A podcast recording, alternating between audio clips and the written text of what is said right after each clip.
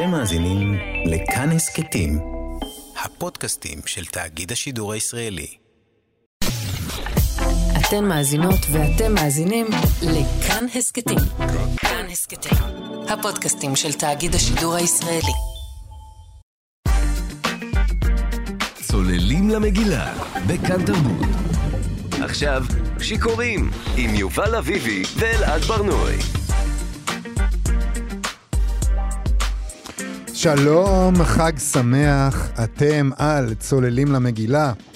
יום שידורי מיוחד בכאן תרבות לרגל חג הפורים, שבו אנו מפרקים למגילת אסתר את הצורה וקוראים אותה אה, בעיניים עכשוויות.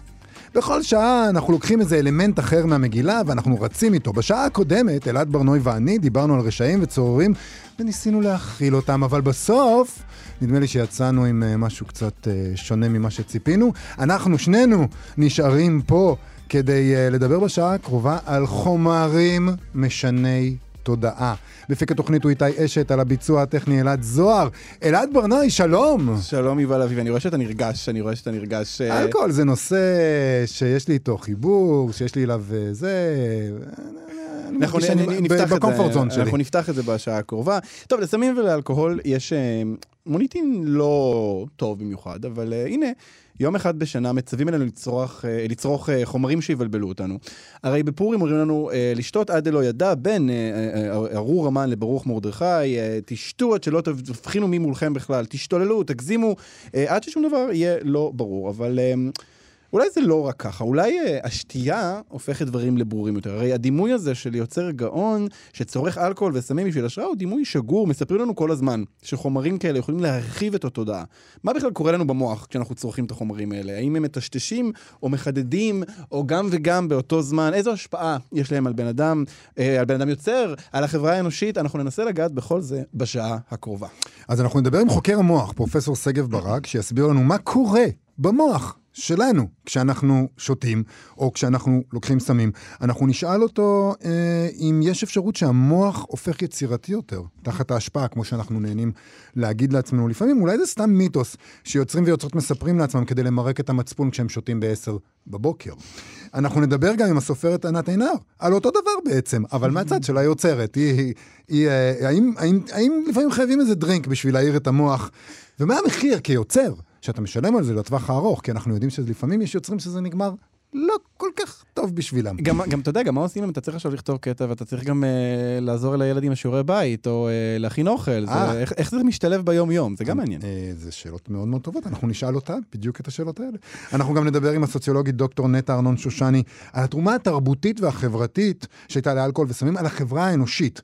האם זה שינה אותנו כחברה, לא כבני אדם, לא כפרטים? האם היינו בדיוק אותו דבר אם לא היה לנו כחברה אנושית לאורך השנים, לאורך המאות, לאורך אלפי השנים שאנחנו קיימים בגרסה האחרונה שלנו, אה, אם לא היה לנו את הדברים האלה, למסך לנו קצת את המציאות. טוב, אנחנו צריכים להגיד אה, שלמרות שצריכה של אלכוהול היא חוקית, וצריכה מתונה של אלכוהול זה דבר שכולנו עושים, אה, והוא בסדר ומקובל, צריכה מופרזת של אלכוהול וסמים מסוכנת לבריאות, אה, מזיקה לגוף ולנפש. אם אתם או הקרובים לכם סובלים מהתמכרות לחומרים האלה, יש מי שמקשיב, אה, תפנו לאתר אה, של עמותת סהר.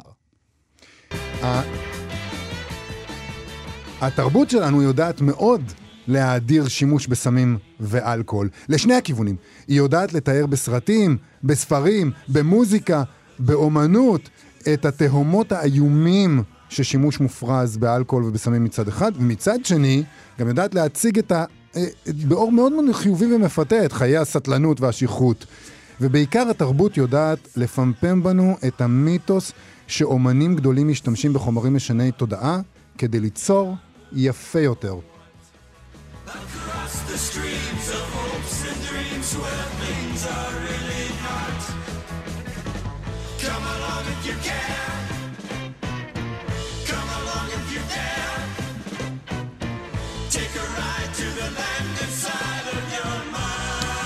אנחנו שומעים את אה, Journey to the Center of the Mind, of Your Mind, של The Amboy Dukes. הם שרים מעבר לים המחשבה, מעבר לתחומי המה, מעבר לזרמי התקוות והחלומות, שם הדברים בעצם לא. שגם המילים שם, יכול להיות שהם נכתבו כן, תחת נשמע, השפעה. זה נשמע ככה, כאילו, אה, הדברים האלה שאנחנו עושים כשאנחנו אה, תחת ההשפעה.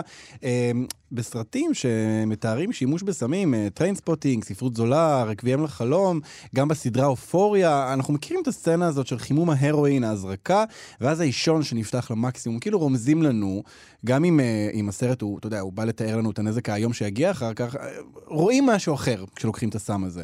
אם, ואם אם אנחנו עכשיו נעשה רשימה של סרטי הסטלנים אה, שמדברים על התודעה שנפתחת, ובעיקר נרגעת תחת שימוש במריחואנה, אנחנו נצטרך להקדיש לזה יום שידורים שלם. לגמרי. אה, בסרט השוודי, אה, מלפני שנתיים נדמה לי, או שלוש הוא יצא, עוד סיבוב, ארבעה חברים שמואסים בשעמום של אמצע החיים, מחליטים לחיות את החיים שלהם לפי תיאוריה של פסיכיאטר, שטוען שאפשר לנהל חיים יצירתיים ומאושרים יותר, אם רק נשמור על רמה קבועה של 0.05% בדם. אלכוהול בדם. אלכוהול. בדם. זאת אומרת, אתה צריך לשתות קצת, אבל כל הזמן. גם שם הניסוי נגמר רע. הבעיה היא כשיש לך קצת אלכוהול בדם, אז קשה לך להתאפק, לא להעלות את הרמה עוד ועוד ועוד. אה, זה בעיה, העכבות אה, הם אה, קצת מטושטשים, לא רק הראייה, אבל בדרך לסופה הלא מוצלח של הניסוי הזה, יש לא מעט רגעים שבהם החברים האלה בטוחים שהם ניצחו את השיטה, שהם פיצחו את הסוד לחיים. היום קוראים לדבר הזה microdosing, דרך אגב, הרבה אנשים עושים את זה לא עם אלכוהול, בטח גם עם אלכוהול, כן? אבל אה, עם כל מיני סוגים של סמים, אה, אה, אנשים עושים microdosing, כלומר לוקחים כמות מאוד מאוד קטנה ומנסים להמשיך בחיים שלהם כרגיל. תשמע, הרשימה של סופרים ויצירות ענק שנכתבו בעקבות שימוש בסמים בלתי נגמרת כמעט. רוברט לואי סטיבנסון כתב את דוקטור ג'קיל ומיסטר הייד במהלך שישה ימים של שימוש אינטנסיבי בקוק, בקוקאין. סופר המדע הבדיוני אלדוס האקסלי, הוא היה צרכן של מסקלין. הנטר אס תומפסון, הוא, טוב, הוא לקח כל מה שהוא יכול היה להשיג, לרוב הוא השיג כמעט הכל. אה, יש אה, רשימה מפורסמת של איך נראית יממה שלו מבחינת מזון, משקה וסמים, וזה מעייף רק לקרוא את זה. זה מטורף. זה אני- מטורף. אתם, זה, אה, מי, של, אה, מי שלא מכיר, שיחפש באינטרנט, A Day של הנטר אס תומפסון, ופשוט זה היה הקדמה לאיזה ספר שלו, וזה פשוט נראה מתיש, מתיש, מתיש. וויליאם בורוז, הוא כתב בספר Junky, בממואר על ההתמכרות שלו להרואין, הוא כתב כך: מעולם לא התחרטתי על ההתנסות שלי עם סמים. אני חושב שמצבי הבריאותי היום טוב למדי בזכות העובדה שהשתמשתי ב junk לסירוגין, ולא היה טוב יותר אה, לו מעולם לא הייתי מכור. כשאדם מפסיק לגדול, הוא מתחיל למות. המכור לעולם לא מפסיק לגדול. אני שוב מזכיר שאנחנו לא ממליצים לאף אחד על שימוש בהרואין. junk זה הרואין, צריך להגיד כן. אצלו. אה, אבל, אבל התפיסה הזאת שהמכור לעולם לא מפסיק לגדול, היא לא מדברת על הגוף בהכרח, היא מדברת על איזושהי תודעה. נכון? היא מדברת על זה שאתה, אם אתה תשתמש בחומרים האלה, אתה ייפתחו לך אפיקי מחשבה אחרים ואתה תיצור יותר טוב. אבל התרבות יודעת להגיד גם את ההפך הגמור.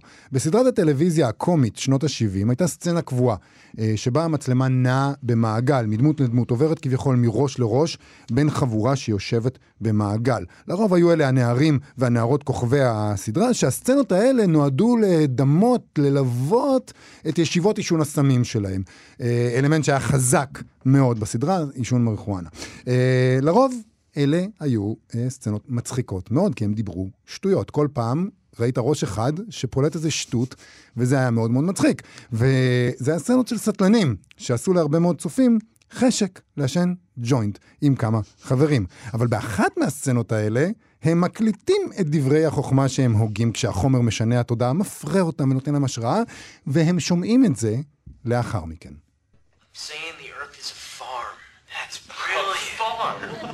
farm put here by aliens, man, and we're the cattle. We're cattle. Government knows it. It's out there, man. What is the truth? what are you saying? Out there is the truth. The truth is out there, man. Seriously, See, you're all all stupid. יכול להיות שכולנו פשוט קצת יותר טיפשים אה, כשאנחנו עושים את הדברים האלה, והסצנה הזאת נראית לי מאוד מוכרת אה, לכל מי שניסה אי פעם לרשום את הרעיונות שעולים לו כשהוא אה, שיכור או כשהוא מסטול, ולהגות בהם אחר כך. לי כמובן אין שום ניסיון אישי בדברים אה, מהמין הזה, אה, ושוב אנחנו מזכירים שלא להסתכן בעניינים האלה. צוללים למגילה, בכאן תרבות. עכשיו, אין צורר רע, יש צורר שרע לו, עם אלעד ברנועי ויובל אביבי. אנחנו צוללים למגילה, יום שידורי מיוחד של כאן תרבות לחג פורים, ואנחנו מנסים להבין, לפענח את העניין הזה של אלכוהול וסמים, ומה קורה לנו כשהם נכנסים לנו למערכת, ומה קורה לתרבות שלנו כשהם נכנסים לה למערכת. אה, וכדי לעזור לנו להתחיל, אה, כדאי ראשית להבין מה קורה במוח שלנו כשאנחנו מכניסים לתוכו את הכימיקלים הרלוונטיים. איתנו כדי לדבר על זה, פרופסור שגב ברק, ראש בית הספר למדעי הפסיכולוגיה באוניברסיטת תל אביב, וחבר בבית הספר למדעי המוח באוניברסיטה. שלום, פרופסור שגב ברק. שלום, שלום. אחרי שיר כזה מחייב. כן, אמרנו, אה, נלך על הקלאסיקה. כן, לגמרי. בוא, נתחיל עם, הביולוגיה, עם הכימיה. מה, קורה לנו אה, כשאנחנו צורכים אלכוהול, סמים, כל חומר שבסופו של דבר משנה את תפיסת המציאות? שאנחנו באמת, אה, התפיסה באמת משתנה, או שאנחנו פשוט, נדמה לנו שאנחנו מאבדים את זה? טוב, אם התפיסה באמת משתנה או נדמה לנו שאנחנו מאבדים את זה, זה בעצם אותה שאלה. אה, כשאנחנו, אה, בעצם, כשאנחנו לוקחים חומר פסיכואקטיבי, מה שנקרא, חומר שמשפיע על הפסיכו שלנו, על התפיסה, על הרגשות, על ההתנהגות, אז כבר מהרגע הראשון יש השפעות על המוח. אה, ואם לא היו את ההשפעות האלה, אז לא היינו מרגישים את ה... אה, היפראקטיביות במקרה של אה, סטימולנטים כמו קוקאין ואמפטמין, או את הרוגע ואת הפתיחות במקרה של אלכוהול וכולי. אז כבר מהרגע הראשון השפעות על המוח אה, קיימות, וההשפעות האלה יכולות להיות ברמה של שחרור כימיקלים במוח וברמה של כל מיני שינויים אחרים שהם קצרי טווח. וזאת הנקודה החשובה, שבפעמים הראשונות שאנחנו לוקחים את הסמים, ההשפעות האלה הן קצרות טווח ומיידיות. אה, ובדרך כלל עוברות תוך אה, בין כמה דקות לכמה שעות, לפעמים קצת יותר. אבל כשממשיכים לקחת את החומרים האלה, אלכוהול וסמים אחרים, אה, לאורך זמן, השינויים האלה מתחילים להיות יותר ויותר ארוכים ומצטברים. עד כדי, אצל אנשים שהם מכורים ולוקחים כמויות גדולות לאורך זמן, עד כדי פרמננטים קבועים, שאנחנו יכולים לראות אותם במוחות של אנשים, בין אם בהדמיה ובין אם בבדיקות שלאחר המוות, אפילו שנים אחרי שנים שהם לא לקחו את הסמים, עדיין רואים שינויים מסוימים. אז, אז שינויים קיימים כל הזמן, וכן, הם משנים את התפיסה שלנו הרבה פעמים. אתה יודע, אני אה, לקראת התוכנית הזאת אה, קצת שיטטנו באינטרנט, שזה מקור מוסמך אה, לכל העניינים שקשורים בנגיד מדע, אז עכשיו אנחנו גם כן מוסמכים. אבל יש איזה מחקרים שאומרים למשל שצריכת קנאביס עוזרת ליצירת חיבורים חדשים בין סינפסות במוח, למשל. זאת אומרת, זה שינויים ש... אתה מדבר למשל על שינויים של אה, הרס. אנחנו יודעים שאלכוהול הורס תאים במוח, אה, אבל מצד שני אנחנו נחשפים גם למחקרים שאומרים, יכול להיות שנוצרים חיבורים חדשים, דברים שלא הייתם רואים אם לא הייתם משתמשים בחומרים האלה. אז, אז קודם כל זה לגמרי נכון, זאת אומרת לסמים, סמים באופן כללי, אה, חלק גדול מהם התחילו בכלל כתרופות. זה נכון לגבי קוקאין, זה נכון לגבי אופיאטים למיניהם, מורפין עדיין משמש כתרופה וכל מיני תרופות לשיכוך כאב. למעשה זה נכון גם לגבי אלכוהול, במשך שנים בהיסטוריה האנושית השתמשו בו כתרופה לדיכאונות, לחרדות, לא קראו לזה אולי בדיוק ככה. אבל uh, גם היום אנשים לוקחים את זה כמה שנקרא סלף מדיקיישן. כן, כ- גם הרואין, גם הרואין היה, היה תרופה, נכון? במקור גם, הרואין היה אמור להיות משכך כאבים. גם הרואין בעצם, נכון, הרואין הוצג לפני, כבר אני לא זוכר כמה, 150 שנה, אני יודע, 100, 100 שנה הוא הוצג כ... אה, תרופה פורצת דרך שהיא לא ממכרת. כאיזשהו פיתוח, כן, כן, ככה. famous last words. יש, יש ממש מודעות שהראו את זה. שתרופה לא ממכרת לטיפול בסמים, שאמורה להחליף את המורפין, וכמובן ההיסטוריה הוכיחה קצת אחרת, כי זאת אחת התרופות היותר ממכרות שיש, או אחד החומרים היותר ממכרים שיש. אבל העניין הוא שלהרבה מאוד סמים, יש גם תופעות חיוביות, ועובדה שאנחנו משתמשים בהם ברפואה. בוודאי כל האופיאטים הם משככי הכאבים הכי טובים והכי יעילים שיש. האופיאטים זה מהמשפחה של מורפין והרואין. אה, ו- וכל הפיין קילר, שהיום יש משבר גדול בארצות הברית בעניין הזה. שגם עליהם אה, נאמר שהם אה, ממכרים רק לאחוז אחד מהאוכלוסייה. גם, גם על זה היה איזשהו כזה שקר בהתחלה. זה היה אבל שקר ממש, כן? הם כן, ידעו את האמת. כן, על זה יש הרבה, הרבה עניינים משפטיים שלא ניכנס אליהם כאן, אבל גם קוקאין ואמפטמינים, אמפטמין, זה אה, התחילו חלקם כתרופה, אמפטמין עד היום משמש כתרופה אה, מאוד פופולרית לטיפול ב-ADHD, יש לו כל מיני שמות, בארץ זה נקרא טנט, ויש שמות אחרים, והם גם משמשים כ-drugs of abuse. אז החומרים האלה, למשל סטימולנטים, כמו אמפטמין וקוקאין, הם משפרים קשב, הם משפרים יכולות קוגניטיביות, גם ניקוטין. שנמצא בסיגריות הוא בעצם משפר קשב ומשפר יכולות קוגניטיביות. יחד עם זה, לחומרים האלה יש כל מיני תופעות אחרות, בין היתר תופעות ממכרות, ולכן צריך לדעת לעשות את זה בזהירות. גם מהצד השני יש את החומרים המרגיעים, למשל מה שנקרא בנזודיאזפינים כמו ווליום, אה, שמשתמשים בהם להפרעות חרדה, אבל יש להם אה, אפקט ממכר אה, מאוד משמעותי. אז יש לנו את הדימוי הזה של יוצר או יוצרת שזקוק להשראה, והוא לוקח כל אחד אה, לפי החומר שהוא אה, אוהב או מכור לו, אה, וזה מעורר את השראתו, והוא לא יכול להיות הדבר שהוא, היוצר שהוא בלי החומרים האלה, לכאורה. אנחנו מכירים את הדוגמאות האלה מהתרבות שלנו, יש את הדברים המובנים מעליהם, את הביטלס, שלכאורה נחשפו לסמים משני תודעה, ופתאום יצאו להם היצירות הכי מופלאות אה, שנשארו כמובן עד היום. והשאלה היא, האם באמת... יש בסיס כימי, חשמלי, ביולוגי, אתה תגיד לנו איך צריך לקרוא לזה, לתפיסה הרומנטית הזאת. אולי זה סתם תירוץ שלהם אה, כדי לצרוך את כל ה... זה, זה צדקה כזאת. אני חייב LSD כדי ליצור, זה משהו שאני חייב. אתם לא מבינים איך זה, אה, איך זה להיות יוצר תחת ההשפעה ומה זה מאפשר לי. טוב, אז, אז דבר אחד אה, שהוא כנראה נכון, הוא שלא כל מי שיקח LSD יוציא שירים כמו לוסי בסקאי עם דיין. אתה צריך כישרון. זאת אומרת, אנחנו צריכים איזשהו בסיס יצירתי מאוד עמוק לפני שאנחנו, זה גם נכון גם למוזיקה, גם לציור, גם לכל תחום אחר. זאת אומרת, זה לא, זה לא בא לבד מהסמים מה, והחומרים הפסיכואקטיביים. אבל אין ספק שהחומרים הפסיכואקטיביים בעיקר מה שנקרא הפסיכדלים, הם חומרים משני תודעה, והם גורמים לאנשים לראות כל מיני דברים, לחשוב כל מיני דברים, להוריד עכבות מסוימות, שבהחלט יכולים לעזור למה של המושג החמקמק הזה שאנחנו קוראים לו אה, יצירתיות. אז בלי ספק כן זה יכול לעזור, בלי ספק לבד, בלי יצירתיות בסיסית ואיזה שהן יכולות. אה, זה לא עוזר ליצירתיות, אבל יחד עם זה יש גם כל מיני סכנות אחרות, אה, בין היתר הדברים שאני עובד עליהם, שזה התמכרויות, שעלולים להיגרם מכל מיני חומרים, חלק יותר וחלק פחות. אה, אני רוצה לשאול אותך, אנחנו לקראת סיום, אבל אנחנו אמרנו כבר בתחילת התוכנית שאלכוהול זה בעצם חומר חוקי, מותר לצרוך אלכוהול, אין הגבלה על הדבר הזה, רק על הגבלה של נהיגה או של פעילות כן, מסוימת. ברוב, ברוב העולם, נכון. כן, כן, ו... ו... למרות זאת, אה, אה, אתה יודע, יש, אה, יש הרבה מחקרים ובכלל שיח על ההשפעות של אלכוהול על המוח, שהן השפעות שיכולות להיות הרסניות. אתה בתור מישהו שנמצא בתחום הזה, במדעי המוח, אתה מסתכל על, ה, על הקשר בין ההשפעה האמיתית של סמים ושל אלכוהול על המוח והקשר של זה לחקיקה, ואתה אתה, אתה רואה מה, אתה, יש הלימה בין הדברים האלה?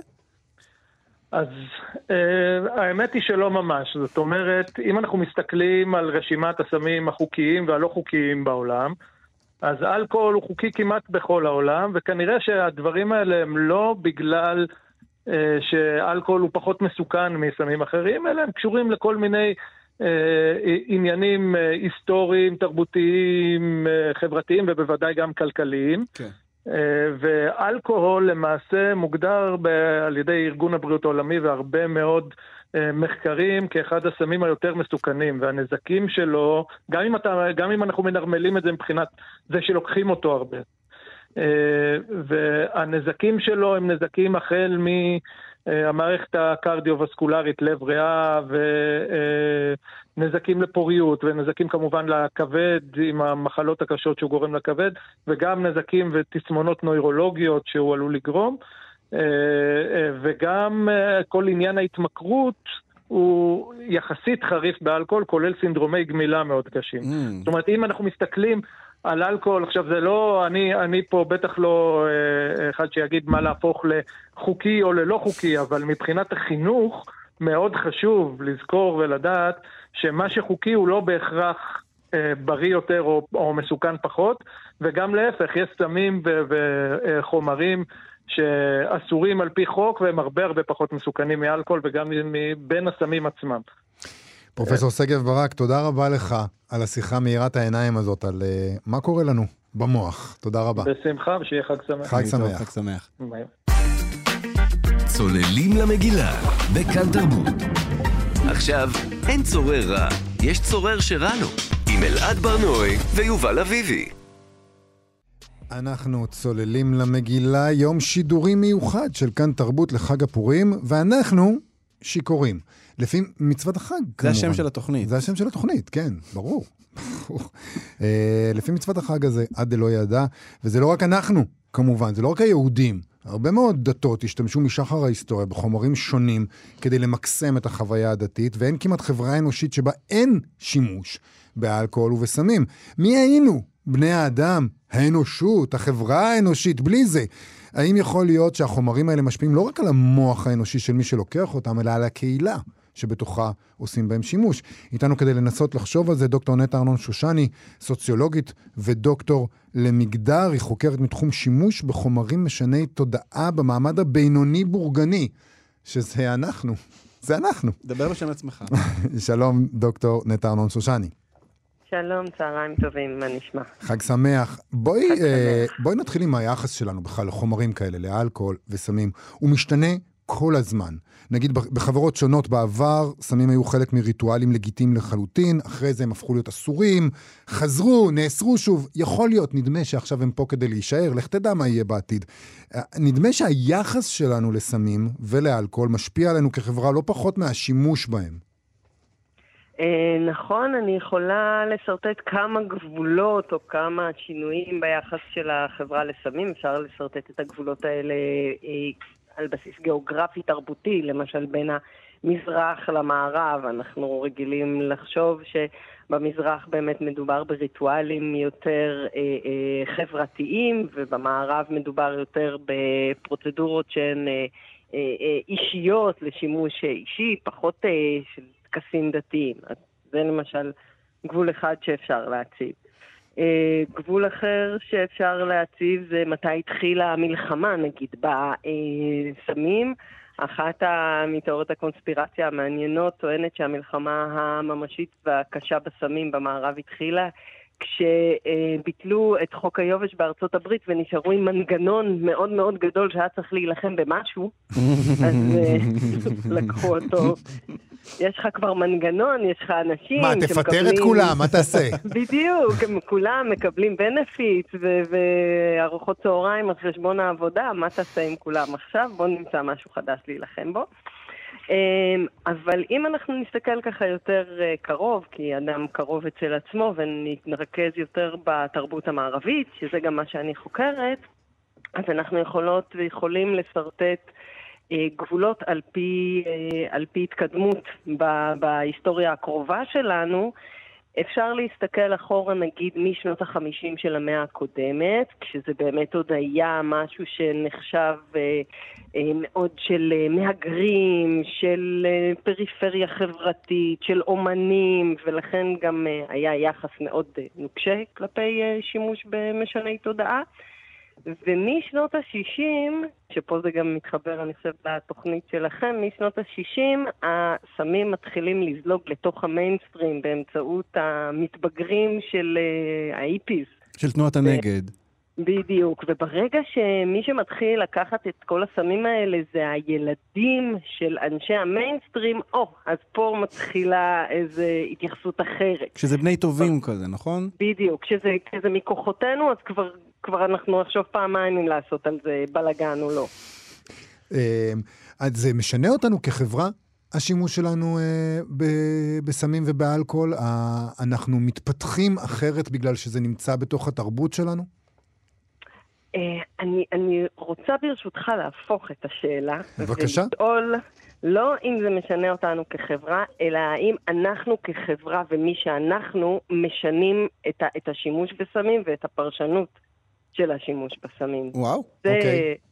זה מה שאני במיוחד מתעסקת בו ו- ושואלת אה, האם לשימוש במעמד הבינוני-בורגני יש אה, מאפיינים אחרים, יש פרשנות אחרת, יש אה, אה, התייחסות אחרת מאשר בחברות למשל של צעירים, כן, כשאנחנו מתייחסים לזה כמרדנות גיל הנעורים, או חברות של עבריינים, Mm. שאנחנו מתייחסים לזה כפשע, או חברות מאוד מאוד פריפריאליות חברתית, עניים, כאלה שגרים רחוק מהמרכז.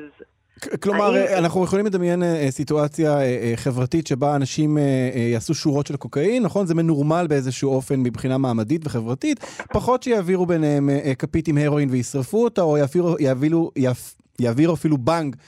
נכון? הדברים האלה נצבעים איכשהו באיזשהו אורח שונה. בדיוק. הבן אדם שעושה את השימוש צובע את השימוש בצבע שלו. זאת אומרת, הפרשנות של הפרוצדורה תהיה אה, מתאימה לקבוצה החברתית שממנה הוא הגיע.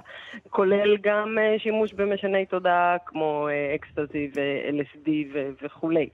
אז יש גם את זה, גם את הסיפור הזה של המעמד, וגם, כמו שאמרתי, סיפור של אה, מתי זה נעשה. למשל, אפשר להבדיל מאוד יפה בין השימוש שהמעמד הבינוני-בורגני עשה בסמים משני תודעה בשנות ה-60, שאז היה איזה רצון לייצר באמצעות הסמים האלה אה, שינוי חברתי, נכון? רצינו לעשות שינוי תודעה, רצינו כן. לשנות את מבנה המשפחה, החברה, אפילו המיניות. נכון, נכון. אה, בשנות ה-60, בעוד שהחל משנות ה-90 יש איזו התהפכות של 180 מעלות, והבנה שכנראה אה, אה, לשנות את החברה לא נצליח, אז בואו לפחות נעשה שמח לאיזה ארבע שעות. זה או... הפך מאידיאולוגיה ל- להגשמה עצמית. אני רוצה, אה, זה הפך לאינדיבידואליזם, כמו שכולנו הפכנו ליותר אינדיבידואליסטים ופחות אה, קהילתיים. מקולקטיביזם, אם, אם צד אחד של הקולקטיביזם נמצא בריטואלים המזרחיים, והאמצע נמצא,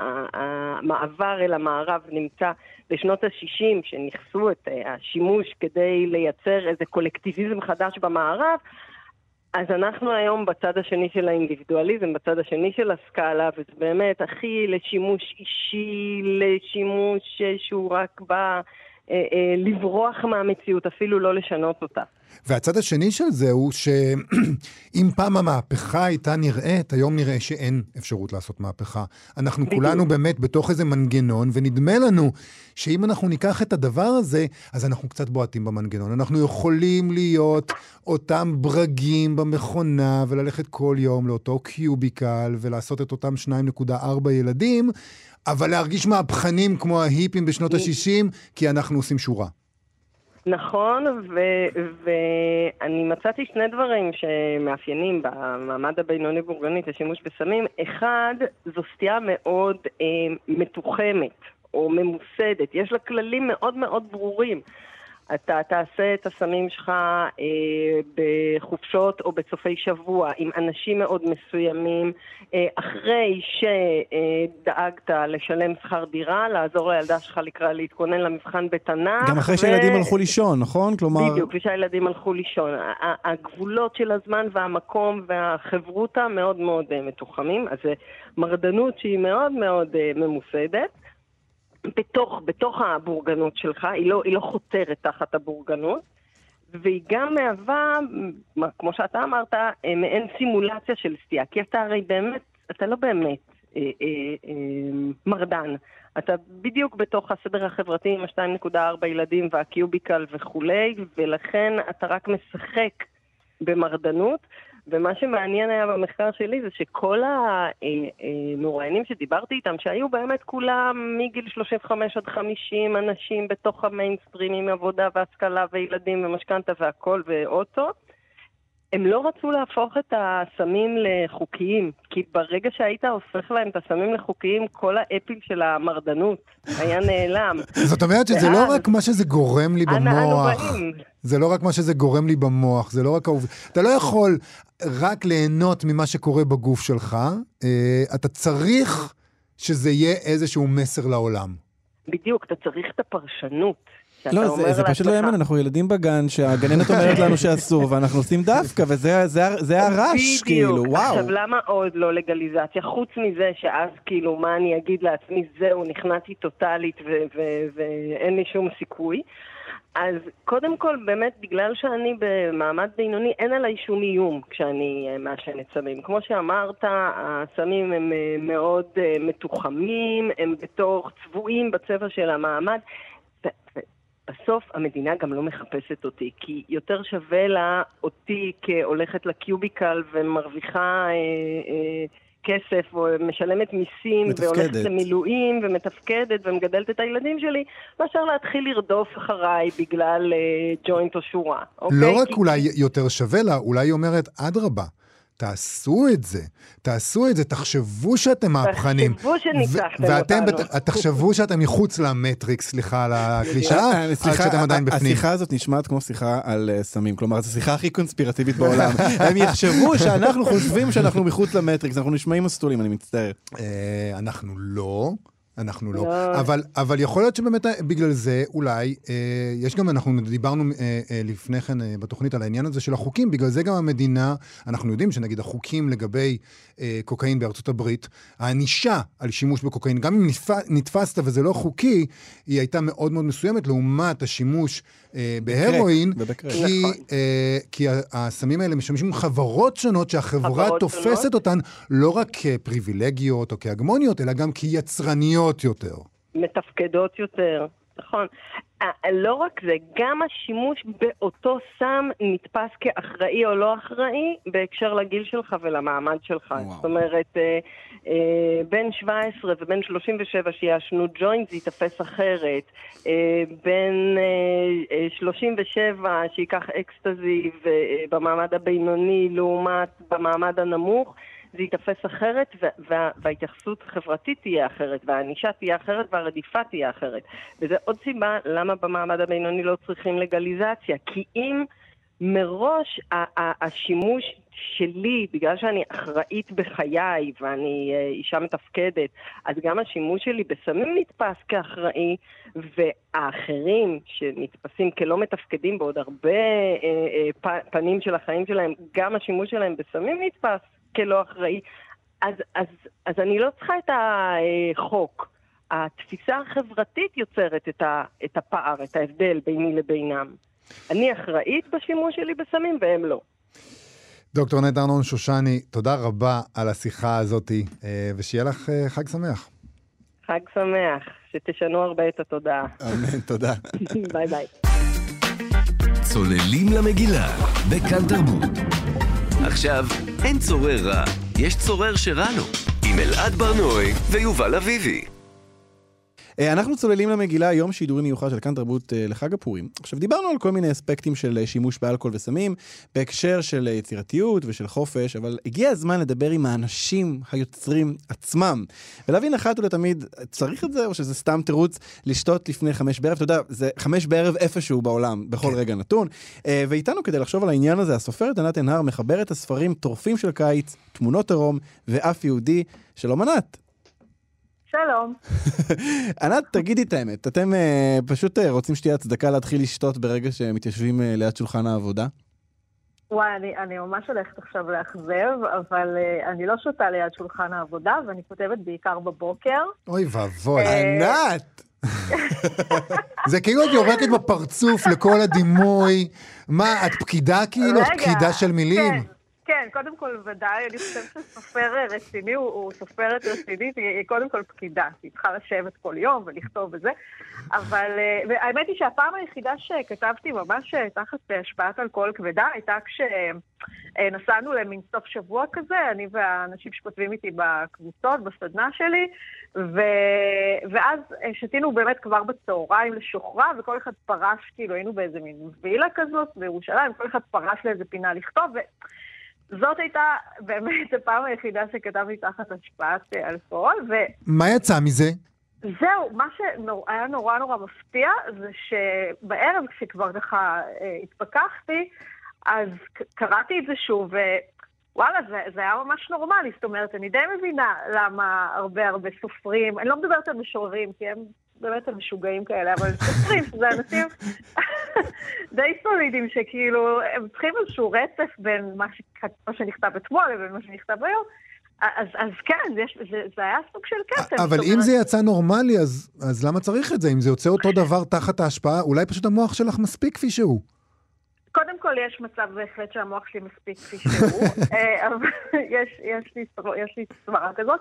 אבל אה, לא, אני מתכוונת שזה יצא נורמלי לא במובן הסולידי, אלא במובן הזה שהכתיבה עצמה, בזמן שבאמת ישבתי וככה אה, והקלדתי אה, מתוך באמת הערפילים של האלכוהול, אז, אז היה משהו באמת הרבה יותר זורם וחופשי ופחות כזה קפוץ ומחושב.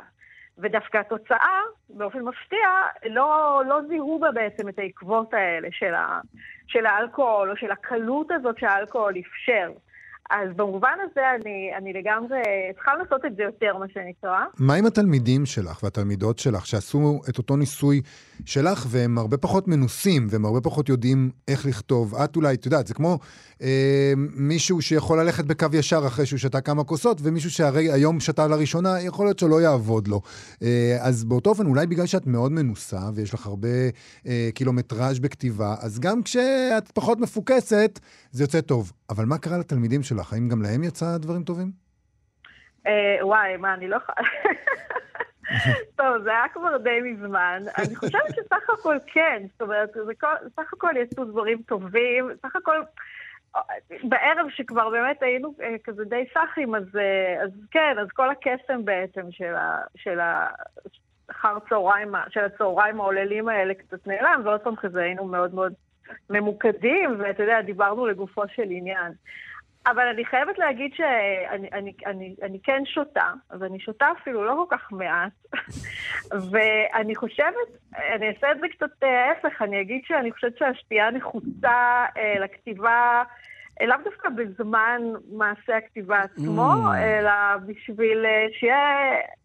שיהיה על מה לכתוב, או שאולי נבין אחרת את מה שאנחנו כותבים עליו. זאת אומרת, בזה אני לגמרי דוגלת, ואת זה אני אפילו, אני מודה שאני מיישמת אה, די בהקפדה. מעניין, כי צריך אולי להגיד, בעצם הסופר, הוא כותב כל הזמן, נכון? גם, כש, גם כשאת לא יושבת לשולחן הכתיבה, את חושבת רע, על רעיונות, את, את הוגה בדברים, אז יכול להיות שהזמן הזה שאת שיכורה בו, שכפי שאת אומרת, הוא, אה, הוא זמן אה, אה, בעל נפח, אה, יכול להיות שהוא עוזר לך גם בשעות האלה של הבוקר, שאת יושבת הכי סאחית והכי כמו פקידה, כמו שאמרת, וכותבת טקסט.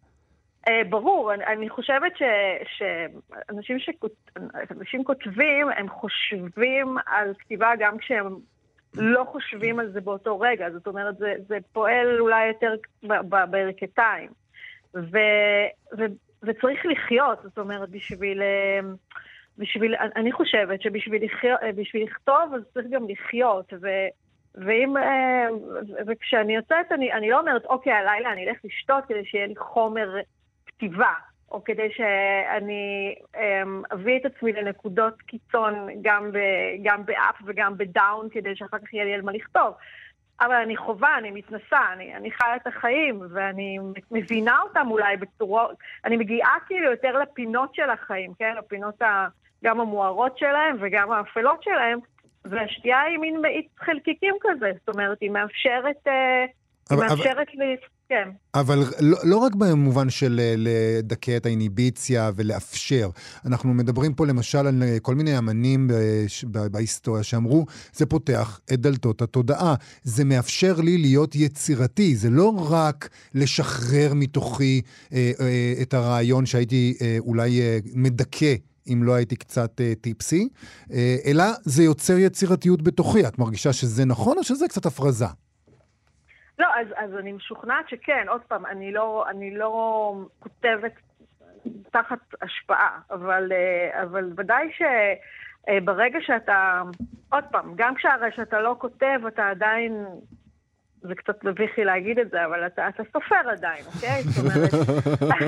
זה מי שאת, פשוט תקבלי את זה, זה מה שאת. כן, אתם מבינים למה זה מביך, אבל יאללה, נעביר את זה.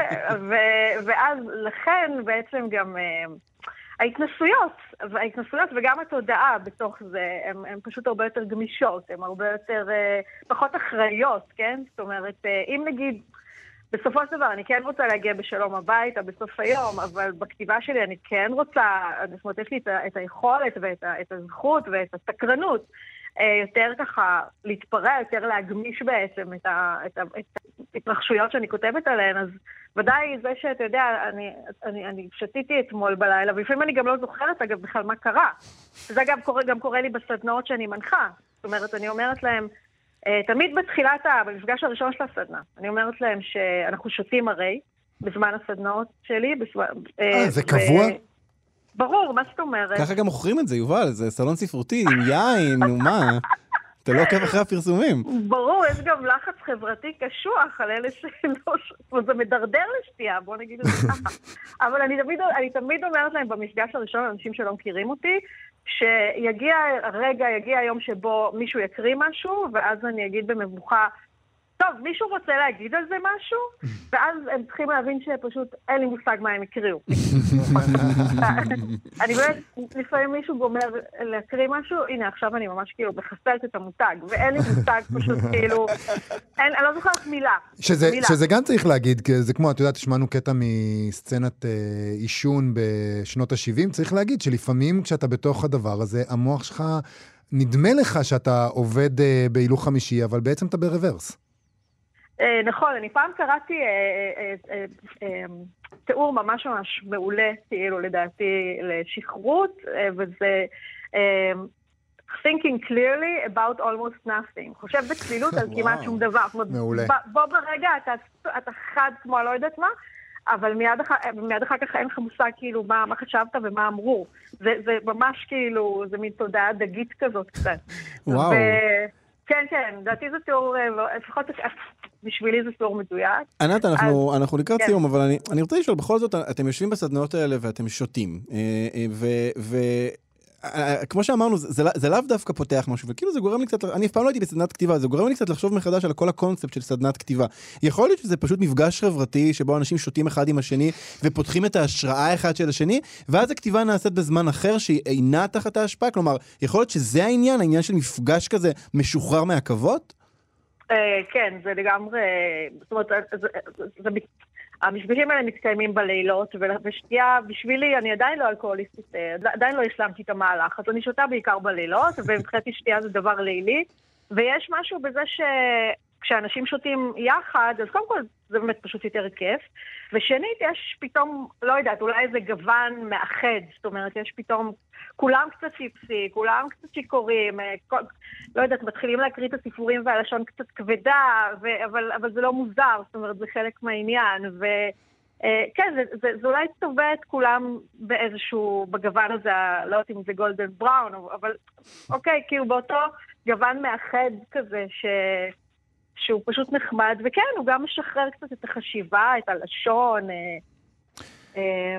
אני רוצה לשאול אותך לסיום, אה, התחלת עם זה שאת ואולי רבים אחרים בתחום היצירה הם בעצם פקידים של מה שהם עושים, פקידים של המילים, פקידים של המוזיקה, כל הדימוי הזה של מישהו שבא ועושה סמים ואז יושב בתוך איזה עננה כזאת וקשתות וחדי קרן ומתוך זה הוא יוצר את Lucy in the Sky of Diamonds, היא שגויה. למה מפמפמים לנו את הדימוי הזה של אומנים? כאילו, כאילו אתם אה, עושים את הדבר הזה בזכות איזשהו חומר חיצוני. למה מפמפמים לנו את הדימוי הזה לדעתך? קודם כל, אה, היו הרבה, אני, אני אדבר, כן, היו הרבה סופרים, חלקם סופרים שאני מאוד אוהבת, שהם באמת היו אלכוהוליסטים, זאת אומרת, הם, הם שתו לשוכרה. הם, לא יודעת, אני חושבת, שאני אני גם תולה את זה בזה שפשוט לא היו להם נוגדי דיכאון פעם, אז הם היו שותים, אז הם היו חייבים לשתות כאילו בשביל להעניש את הדיכאון. אה, ג'ק לונדון למשל, יש לו רומן שלם שנקרא ג'ון ברליקום, שזה בעצם, ג'ון ברליקום זה האנשה של, אה, של שחר, והוא כותב שם ממש על כל תהליך החניכה שלו, גם כגבר, גם כסופר, והכל בעצם כרוך באלכוהול. אה, זה, זה דימוי שעוד פעם, אז יש, הוא, הוא מבוסס על, על באמת, לא יודעת, סופרים דגולים ש, שזה היה חלק בעצם ממנת חלקם, וגם, אני לא יודעת, זה אולי... פשוט היום כולם אומנים, אז אני, אני לא יודעת, אז, אה, וכולם כותבים, וכולם עושים מוזיקה, אז אה, אולי... אולי, זאת אולי עדיין- זה מאפשר לנו להגיד, אה, זה בסדר שאני משעמם ולא יצירתי, כי uh, כל האנשים האלה שיצרו, זה רק בזכות חומרים משני תודעה, ואני בן אדם אחראי, אני לא עושה את הדברים האלה, ולכן וואו, יובל. אין לי את uh, הכוח הזה וואו. בתוכי. אני לא יודעת מי אומר את זה, אני לא אומרת. אני גם לא יודע, אני- ענת, אני אני איתך. אני אני גם לא יודע מי אומר את. זה, לא, זה משהו שזר לי לחלוטין. לא, ניסיתי להגיד ההפך, שאולי דווקא בגלל שכולם כבר נהיו מין כך או אחרת פקידים של האומנות שלהם, אז לפחות יש את הכמה האלה שעדיין מצדיקים את, ה, את העילה הרומנטית וכן ממשיכים לשתות ולעשות אה, סמים אה, משני תודעה. כאילו, ענת עינר, אה, פקידה של מילים, סופרת, אה, תודה רבה על השיחה הזאת. תודה תודה, לכם, ענת. ביי ביי. זהו, הגענו לסוף התוכנית שלנו על אה, שיכורים, ויותר מזה, לרגל מצוות אה, השתייה של חג הפורים. תודה למפיק איתי אשת, תודה לטכנאי השידור אלעד זוהר. תודה אלעד ברנועי, שהיית פה איתי. תודה יובל אביבי, היה כיף מאוד. היה נהדר, אה, היה משקר אפילו. אה, שיהיה לכם חג שמח. להתראות. אתן מאזינות ואתם מאזינים לכאן הסכתים. כאן הסכתים, הפודקאסטים של תאגיד השידור הישראלי. אתם מאזינים לכאן הסכתים, הפודקאסטים של תאגיד השידור הישראלי.